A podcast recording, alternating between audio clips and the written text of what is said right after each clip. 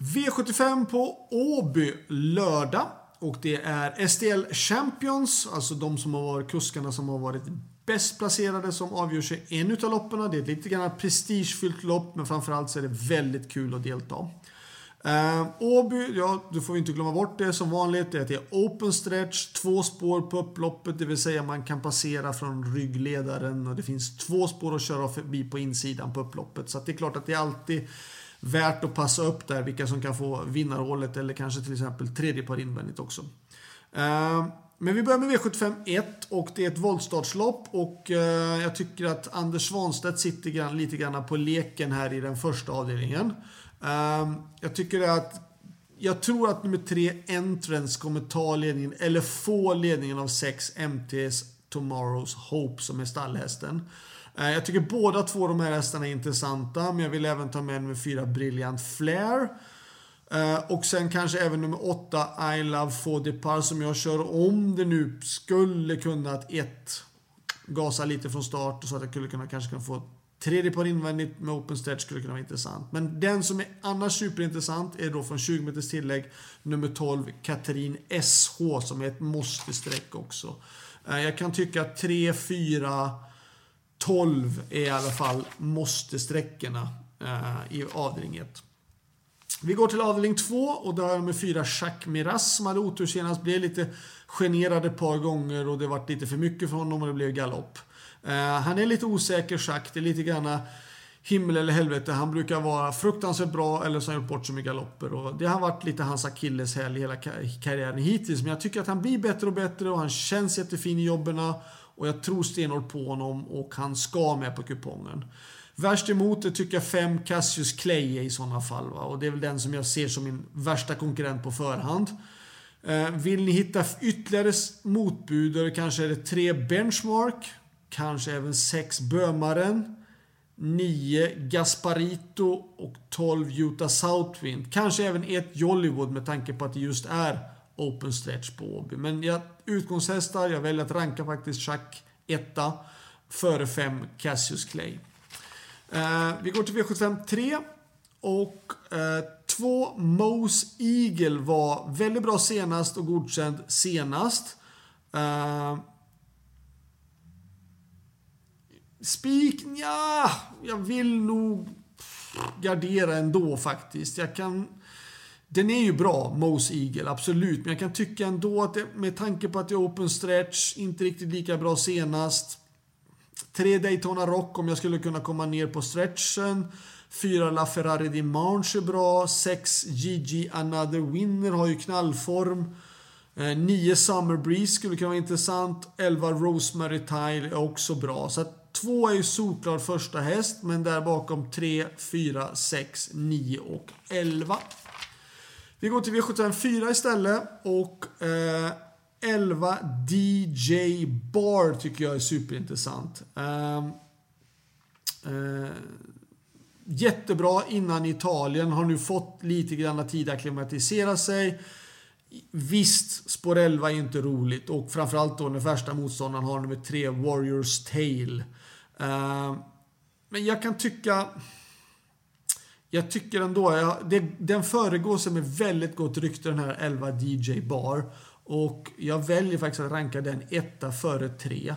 Um, och det är de här två som är utgångshästar. Men det finns även några andra här som jag tycker också visar bra form. Och det är fem Farbror Melker, sex Dancing Days, sju Play It Flax och åtta Babaris. Eh, men jag säger 11-3 och där bakom 5, 6, 7 och 8. V75 5. Uh, spik på 5 Billionaire Face. Det är ju open stretch på Åby och jag tror inte att ett Take Your Time svarar utan jag tror att man kommer försöka göra samma sak som man på V75 på Axfalla där. Jag tror att man tar spets, släpper till 5 Billionaire Face, litar på stretchen, försöker utmana. Men jag tror faktiskt att 5 Billionaire Face eh, vinner oavsett om den får ledningen eller går utvändigt om ett take of time så tror jag 5 Billionaire Face vinner det här loppet. Eh, ett är ju värsta motståndare och sen är det själv med nummer 12, Gloire Dampire. Eh, Gloire är i väldigt bra form och han är under stor utveckling och det är en bra häst som kommer bli en bra häst även om han är fortfarande i låga klassen.